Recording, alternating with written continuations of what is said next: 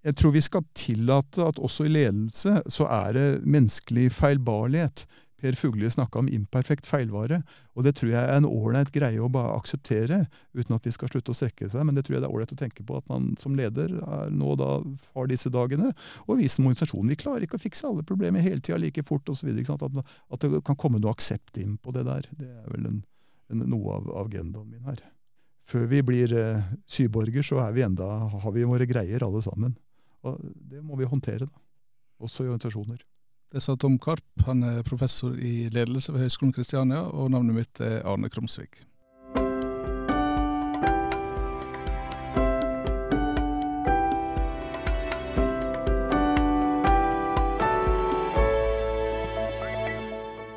Det er ti år med ting jeg har jobba mye med, forska på osv., som nå fortjente å komme inn i to permer. Jeg har skrevet masse og mye annet osv., så, videre, så har dette, dette jeg holdt på mest med, så nå måtte, trengte å komme inn i to permer. Jeg hadde snakka så mye om det, men jeg måtte sette i system, ta med siste forskning osv. Og, og så syns jeg så er det kanskje feil å si, jeg er ikke så opptatt av boka som produkt, og dette, men jeg, jeg syns det er spennende og givende å skape og skrive og holde på med den prosessen. Så prosessen har en egenverdi for meg, og det er derfor jeg det er derfor jeg liker denne jobben, det er derfor jeg gjør det jeg gjør. Jeg liker det skapende, jeg liker å oppdage, jeg liker å sette det i system. Så, så det er grunnen, det er det som ligger bak boka. Altså selvfølgelig så er det fint hvis noen leser den, og at jeg formidler det på en ålreit måte osv. Men er, jeg, jeg, jeg, jeg, er glad i prosessen. Så, og hvorfor øh, akkurat denne boka, så ligger jo litt i tittelen, altså god nok og dette med praksis. Jeg prøver vel eh, Det er ikke noen revolusjoner, og det er ikke noe sånn det er, noe, er ikke noe, rocket science her, men, men, jeg prøver i større grad å beskrive det jeg kaller hverdagen til ledere, og ikke så mye normative modeller, ikke så mye fine, svære ting, og ikke noe amerikansk eh, inspirert ledelsesteori. Men, men, det jeg opplever, og, og syns jeg sjøl har forska på, som hverdagen til de fleste ledere, som ofte er litt traurigere, litt kjipere, litt vanskeligere en del av de fine modellene. Og Da syns jeg måtte det fortjente å også komme i bokform, for at utøvende ledere som deg og som andre i større grad kan få noe gjenkjennelse da, og på en måte få noe aksept i forhold til hva man driver med. Så Det er vel noe av det som ligger bak. at jeg, Ikke for å posisjonere det, men jeg, jeg syns at det er viktig å skrive om dette som det er, og ikke bare som det burde være. Hva som er hovedforskjellen mellom eh, hverdagen som leder og eh, det som står i disse amerikanske bøkene? da? Eh, ja, så er nok det forskjellig fra leder til leder, men hvis du skal ta noen sånne store trekk, så, så er nok de fleste ledere bruker ekstremt mye tid på å ja, for det første administrere, sitte i møter, rapportere og gjøre alt dette her som liksom ikke ledere skal drive så mye med, men som man gjør ganske mye. Eh, mange ledere er selvfølgelig avhengig av nivå, bruker tid på eh, oppgaveløsning, nesten det samme som det medarbeidere gjør. Ad problemer som bare dukker opp som ikke man hadde regna med, som man må, må ta der og da. De fleste ledere er kanskje de er mer reaktive enn de ønsker å være. De initierer ikke så langt og så mye. De blir på en måte tatt av begivenhetenes gang og så må håndtere et eller annet. Um, så bruker også ledere, og det er få som sier det høyt sånn første gang, men de bruker en tid på det man kan kalle ledelsesspill og agendaer og det internpolitiske og det å posisjonere litt og skape seg handlingsrom og alle disse flotte lederorda. Og det må man gjøre for å på en måte sitte i en sånn maktposisjon. Det skrives det jo og snakkes det jo mindre om. ikke sant? Det skal vi liksom ikke ha i organisasjoner, men sånn er det jo også. Det, det, vet vi jo. Så det er på en måte en hverdag som er mye mer hverdagslig, og den er ikke så stor og flott og grandios som vi kan lese i en, i en middels eh, ledelsesteori. ikke sant? Og det er det å takle og mestre og få de hverdagen til å gå rundt. ikke sant? Gå hjem og omtrent ha fått jobben gjort. Det er kanskje det som på en måte, de fleste ledere står i og opplever som, som, det de får til med ledelse. Og Det er derfor jeg kanskje snakker om godt nok. Da. Det er kanskje det, det vi får til. Så feilbarlige er vi som mennesker, så feilbarlige er vi som organisasjoner.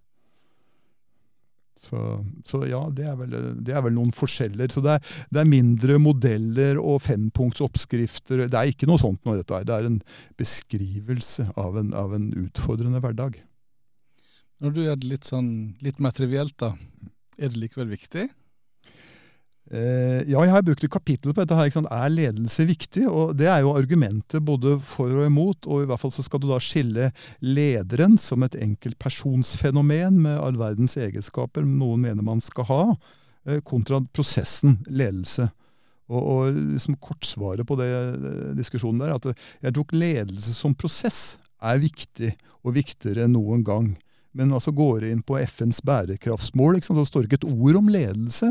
Men det er klart at det at vi klarer å koordinere og samhandle og gjøre et eller annet, og finne noen løsninger på et eller annet, er jo ekstremt viktig for hvordan det går med ting.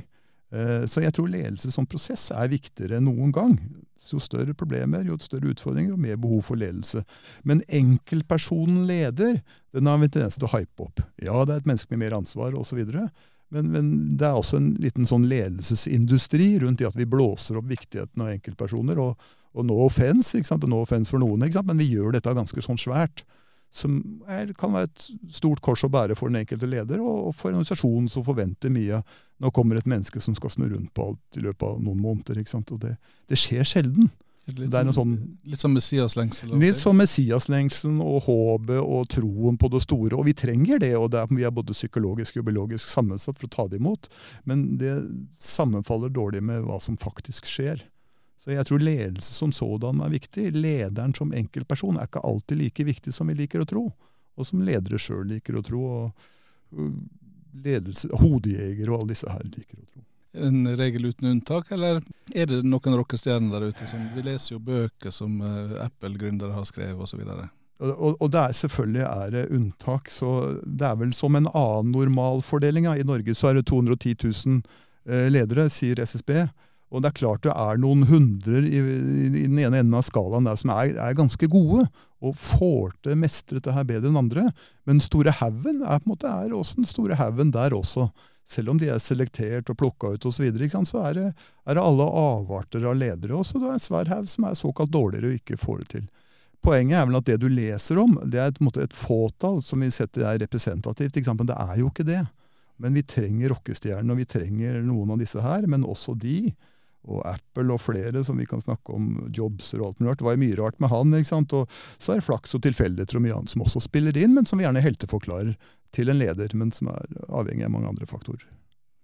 Hva er det ledere driver med, da? Eh, det er også et kapittel i boka Hva gjør egentlig ledere? Altså, Leser man en, en, ledelsesbok eller går på et kurs med en lederutvikler, og sånne ting, så tror man at ledere gjør transformasjonsledelse, autentisk ledelse, relasjonsledelse og lignende ting. Men eh, det er vanskelig å på en måte finne igjen den type konseptuelle innpakninger i en hverdag. De driver litt, som jeg var inne på i stad. De, de forvalter jo da primært et ansvar, og det gjør de ved å gå en del møter, det gjør de ved å løse problemer som dukker opp. Det gjør de ved å, å kalle det smøre det sosiale systemet, snakke med folk, småsnakke med folk, spørre åssen helga har vært, osv. Så, så, så det er massevis av sånne ting som får et sosialt system som en organisasjon til å gå rundt. Og det gjør jo ledere, både bevisst og ubevisst. Så det er mye mer kall det hverdagslige oppgaver som skjer eh, hos de fleste ledere. Og nå da så er det litt større vi og en strategi og de store tingene. Men ofte så er det mye mer å forvalte den hverdagen. Å få ting til å gå rundt, og ikke, ikke lage for mye problem for ansatte og andre, så de får omtrent gjort det de skal gjøre. Og rydde unna så folk får gjort det de skal. Det er mye å rydde unna så folk får gjort det de skal. Ta vekk hindringer så mennesker under de og ved siden av de får gjort, gjort en del ting. Eh, det er iallfall noe ledere driver med, og det er jo ofte noe annet da, enn, enn som sagt, de flotte innpakningene. Men inni det så kanskje det er et element av transformasjon en eller annen sjelden gang. Men det er ikke representativt heller, tror jeg, da. Hvordan er det med forventninger til ledere, og hvordan dagen egentlig er? Altså er, det, er det en eh, kalibrering som må til? Ja, det er jo det, og det er jo kanskje noe av det første de fleste ledere og som ny en jobb trenger å på en måte forventningsjustere, både med seg sjøl og de rundt seg. Hva kan vi få til, hvor fort? Og Det er ikke dermed sagt man skal begynne å gi blanke osv., men det har noe med å justere ambisjonsnivå. Og Det er jo en vanskelig sak. Det er veldig få ledere som går inn i en ny jobb og sier ok, nå skal vi, nå skal vi ligge på, ta noen hvileskjær og ta det med ro. og Vi skal ikke sette i gang noe. Så Det er jo noe med programmering av forventninger vi har rundt det. Men jeg tror på en måte det er en ganske viktig diskusjon når det gjelder både ambisjonsnivå, hastigheten på det osv. Hvor mye enkeltpersoner og også enkeltavdelinger og enkeltorganisasjoner kan klare på hvor fort. Og, og, Noe av dette ligger i dette godt nok-begrepet. Det, det, det har en tendens til å bli litt inflatert og blåst opp for vi forventer mye fort, og vi leser suksesshistoriene fortere enn noen gang ikke sant? via all verdens medier. At jøss, yes, disse har fått til det og det. Og så er det jo ikke alltid sånn. Og så er det jo da fåtall i forhold til det store, store utvalget. Du nevnte litt dette med, med amerikanske ledelsesbøker. Så er det en, en forskjell på hvordan uh, amerikanske forskere og f.eks. For europeiske forskere tilnærmer seg ledelse? Ja, det er nok det. I hvert fall Hvis du ser på store ting, så er amerikanere litt mer normative. De er litt mer opptatt av enkeltpersonen og dette er den amerikanske drømmen og ensomme cowboyen og alt dette her. ikke sant? Det ligger, De er noe mer entreprenørielle, satt sammen osv. De holder det korset der mye høyere. Mens europeiske forskere i større grad skriver noe mer kritisk, maktkritisk og kritisk i forhold til ambisjonsnivåer, som vi nå snakker om, om, om ledelse. Uh, men det er helt klart at vi har en, vi har en, vi har en bias innenfor ledelsesforskning. Så vi er glad i disse flotte, fine tingene. Og vi trenger å tro på det, som du sa. Eh, og vi trenger også å tro at mennesker vil gi mye makt. Skal være gode mennesker og forvalte dem på en god måte. For vi har tross alt gitt denne makten. Så det ligger jo sterkt i oss. Men, sant? men, jeg tror som sagt at det der kan bli veldig stort. Og forskning som sådan har en ganske stor slagside mot det er mye intervjuer med ledere selv, og eh, relativt enkle spørreskjemaer som presser folk i en retning, som har forma basis for mange av disse flotte tingene. Men det er jo veldig ofte langt fra en representativ hverdag i, i mange steder. Men vi vet det, det, er vanskeligere å, å få for eksempel, sånn som meg, å få publisert mer negative ting om ledelse. Det er, en, det er en disiplin som er glad i de flotte fortellingene. Fortell litt hvordan du går frem praktisk når du skal forske på ledelse. Eh, jo, sånn Rent praktisk så bruker jeg ganske mye tid på det å være antropolog. Altså Jeg sitter som en flue på veggen. Jæklig kjedelig noen ganger, men jeg sitter over en dag eller flere dager, til og med uker, og ser hva som skjer. altså Sånn som sosialantropologer jobber. Og Så prøver jeg da i større grad å beskrive det, og så snakker jeg med folk formelt via et intervju, eller uformelt bare i gangen. Så, så det er en jeg bruker en presumptiv ganske lang tid på å prøve å finne fram et eller annet som ikke jeg nødvendigvis prøver å putte inn i en modell, men jeg prøver da å beskrive den virkeligheten jeg, jeg, eh, jeg finner. Induktivt kaller man jo det. Istedenfor å prøve å bevise et eller annet, en ferdig modell, som man gjør mer i naturvitenskapen, så jobber jeg på den måten der. Men det tar jo tid, og det er ikke noe sånn det er ikke noe man kanskje bør gjøre tidlig i en, en karriere, for det tar lang tid, og du får kjappere svar med å dunke av gårde et spørreskjema. Så, så, det er en noe mer krevende, ressurskrevende måte å forske på, som ikke alltid kommer opp med enkle modeller eller klare svar, og, men som jeg syns beskriver mer disse hverdagene som jeg snakker om. De som prøver å få tilgang til, til maktpersoner, har jo eh, ofte opplevd at det kan være litt vanskelig. Det som en forsker kaller aksess, eller til, tilgang. da. Mm. mm. Hvordan eh, opplever du det? Nei, du, altså, du, har jo rett i det. ikke sant? Eh, og i hvert fall hvis man skal gå litt sånn kritisk til verks. Men det, Eh, jeg, jeg, opplever jo eldre jeg har blitt og, og på en måte har jobba litt med det, jo lettere er det å få en type tilgang. Og så er det vel sånn at jeg, jeg, begynner gjerne med å sitte og observere litt, og sånne ting, og så i større grad så er jeg mer kritisk og spør spørsmål. Og så, altså, det bygger opp en slags tillit, og at jeg vil disse her vel, osv. Så, videre, så det er ikke noe jeg bare stuper ikke inn på et intervju og spør, spør eh, revolverspørsmål til, til et menneske med en gang. Og, og, men, men, noen vil ikke ha sånne som meg inn i eget hus, og det er jeg bare å glemme. Da må man gå andre steder. Eh, noen vil ikke bli forska på. Det er eh, helt klart naturlig, det. Er det noen teknikker du bruker for å, for å bygge den tilliten for å få aksess? Jeg tenker på råd til deg som skal skrive masteroppgave, eller den type ting. Eh, jeg prøver i hvert fall ikke å sitte på en sånn forskerhøy hest. Jeg prøver å ta ned det forsknings rollen og hvit frakk og sitte og, og, Jeg prøver å skli inn, jeg prøver å være nøytral, jeg prøver å være et vanlig menneske. Jeg prøver å snakke med dem om vanlige ting. Jeg prøver å være, være et menneske som relaterer seg til et annet menneske. Du sitter ikke på en sånn høy kjøkkenstol med klippbord? Eh, ikke liksom. noe sånn som du ser på disse filmene. Jeg gjør ikke det noe av det der. ikke sant? Og, og jeg, jeg, prøver som sagt ikke skille meg så veldig mye ut. Og jeg snakker lite om hvem jeg er og hva jeg har gjort. Jeg bare ber de holde på som før, så sitter jeg i et hjørne og så tar jeg det som kommer. Så jeg prøver å blende inn så godt jeg kan. Hva er det du ser som de ikke ser, de som bruker spørreskjema og, og jobber mer kvantitativt? Um, nei, altså jeg ser jo, jeg, jeg ser jo en jeg ser jo da, som jeg tør beskrive, med hva som faktisk skjer. Går jeg intervjuer en leder, og som vi snakker om eh, i stad, så er det få av de som sier at de driver og spiller spill og holder på med makt og er glad i den type ting. Det, kanskje hvis jeg presser de, men, det, men, så ser jeg jo det, og jeg er jo med når noen ganger folk lukker døra. Jeg, jeg ser jo mer av dette her. Jeg ser jo jeg ser jo ah, feilene som gjøres. Jeg ser at man har vært i et møte og man tror det er tatt en beslutning, så er det ikke tatt en beslutning. Det er kanskje da omkampene begynner. Jeg ser jo alt dette som er, de fleste opplever er en normal del av en organisasjonshverdag. Som kanskje ikke står like tydelig i modellen din. Så det er vel å avdekke hvordan vi som mennesker så godt, gjør så godt vi kan i en organisasjon, men det er massevis av, av imperfeksjonisme inn i den ligningen der, fordi vi er feilbarlige, de fleste av oss i hvert fall. Så det er litt mer feilbarlighet, er det tør jeg påstå at jeg ser. Og det tror jeg også har med ledelse å gjøre, og det tror jeg har med organisasjoner å gjøre, og det tror jeg er ålreit å akseptere noe av det, selv om vi nå også skal prøve å strekke oss etter noe bedre. Men det er et godt startsted for det strekket. Hva er det som er trendene da i eh, praktisk eh, ledelse? Forandrer det seg på noen måte? Eh, nei, Det er vel for så et godt spørsmål som jeg ikke har noen lette svar på. For det første er vel dette her at det å forske på praksis er i det hele en relativt ny forskningsretning. At det er kommet ting innen filosofi, psykologi, sosiologi osv. som gjør at vi prøver å kalle det vitenskapeliggjøre praksis og sette det litt mer i system. Det er ikke bare hva folk gjør.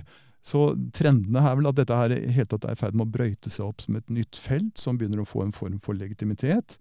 I hvert fall innenfor mine disipliner. Og at flere bruker tid på det. Som jeg sier, Tyngden er jo mer normativ og det fine og flotte. Mens det, dette her stille og rolig kommer. Og trenden der er at vi prøver å, måte, å, beskrive ok, Det er fint hva folk gjør, men hva ligger under det? da, Og kan vi klare å, å putte det i et system så noen kan lære noe av det? Uten at vi generaliserer helt bort. Så det er vel en måte at vi driver og, og brøyter opp et slags nyere felt. Og finne rammeverket og måten og det metodiske og det problemstillingsmessige å løse det på. Hva studentene tenker om eh, din måte, korreksjon da, til det som står i disse her skriftene? Eh, og Det er også et relevant spørsmål. Jeg opplever det, jeg underviser rundt på en del sånne erfaringsbaserte mastere, MPA, MBA den type ting, hvor folk har vært ute og hatt en lederjobb. og Da opplever jeg vel kanskje at den flesteparten, 80-90% av de, syns at det er fint å høre om og få en gjenkjennelseseffekt og syns de er deilig, og senker litt skuldra på dette store som de har trodd de måtte leve opp til. Så der har jeg, synes jeg får veldig god gehør blant. Og, nå gjør jeg ikke så mye av det, men jeg har holdt på mye på med, med, med fag her på bachelornivå osv. Så, så er det nok, blant yngre så er det en større grad av avstand, for da har man noe større litt med ideelle, ideelle modeller hvordan dette her skal være. Så der er vel sånn en større andel som, som er noe, noe mer skeptisk, og, og syns det er deiligere å, å, få en modell de kan pugge og sende den tilbake, mens, mens jeg har holdt på på helt andre måter. Så, så, Jeg vil ikke si at det er stor motstand, men i noen større grad av skepsis. For man vil jo gjerne ha idealene høyt. Og som jeg sier, ikke sant? når vi gir mennesker makt, så vil vi at de skal være fine, flotte mennesker. Og, og mange av de er det, det er ikke det. Så, så det er vel en forskjell ute og går. Men utøvende ledere har en tendens til å, å kjenne seg igjen i det jeg har holdt på med. Vel, I vår eh, sektor så er det mange som, eh, av de som ber kveldsbønn, som tar med frist meg ikke ut i ledelse, eh, i stedet for led meg ikke ut til fristelse. Ja. eh, folk som finner seg sjøl eh, i en lederrolle, er de forberedt på hvordan det egentlig er? Um, altså, jeg, kan, jeg, kan, ikke være absolutt på det, Arne, men jeg, jeg tenker vel at de fleste av de jeg har snakket med, har vel er, er ikke forberedt. Eh, ansvaret er større, presset er større, forventningene er annerledes og uuttalte osv. Trøkket er større osv. Men det kommer selvfølgelig an på nivå. Men de fleste opplever grader av dypt vann, uten å ha da ballasten i form av verktøy eller eh, egen bevisstgjøring i hva som skal til for å måtte svømme på et sånt vann. Og så lærer noen seg da å svømme fortere enn andre, enten fordi de får hjelp, eller fordi de er robuste mennesker, fine mennesker sjøl osv. Men det er nok grader av dypt vann, syns jeg. og det selv om man har tatt verdens flotteste master her, eller lederutvikling der, så, så er, er, det nok mange som blir overraska over trøkket i dette her. Men så oppveies det. og Det er jo sånn at spørreundersøkelser sier at de fleste ledere i Norge syns at det er verdt prisen. De syns det er spennende, de påvirker, de tar ansvar osv. Men, men de opplever det som et trøkk. Men, men så hvis jeg har sett av undersøkelser, så er man ganske tydelig på at de fleste syns det er verdt prisen. De vil gjerne være ledere, selv om det koster. Så da er det vel en, Ja, de finner balansen i det, da.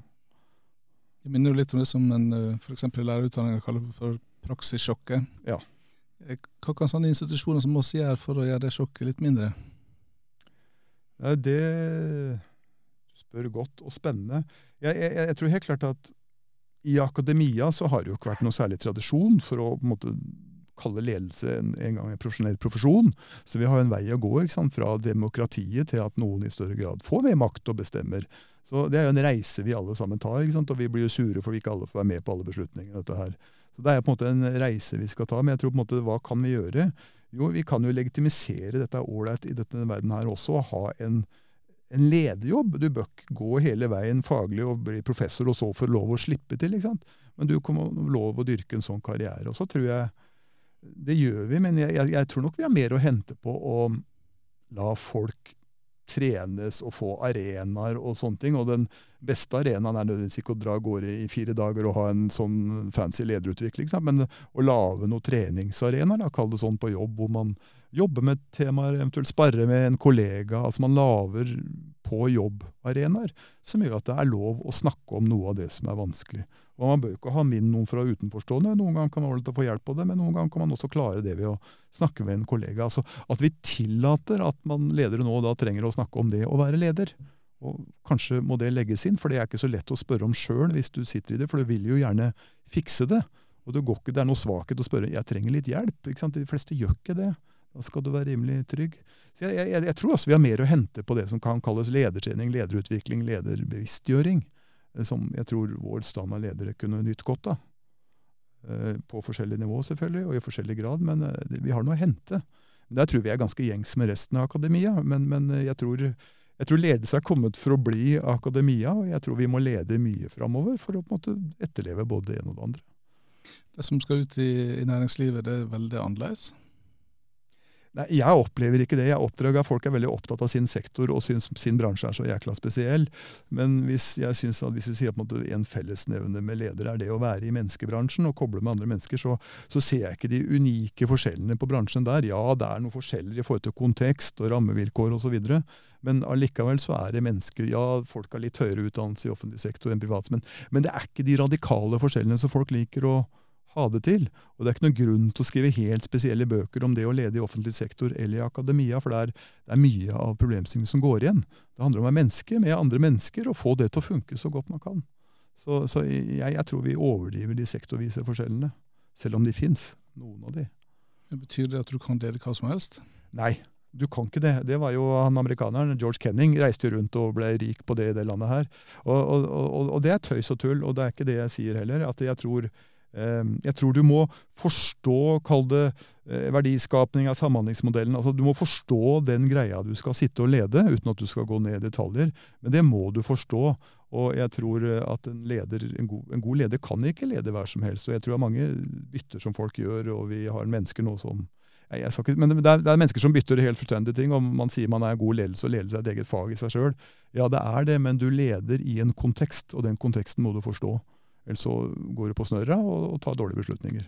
Selv om menneskene er ikke så forskjellige om de jobber i offentlig eller privat sektor eller akademia eller hva det nå er.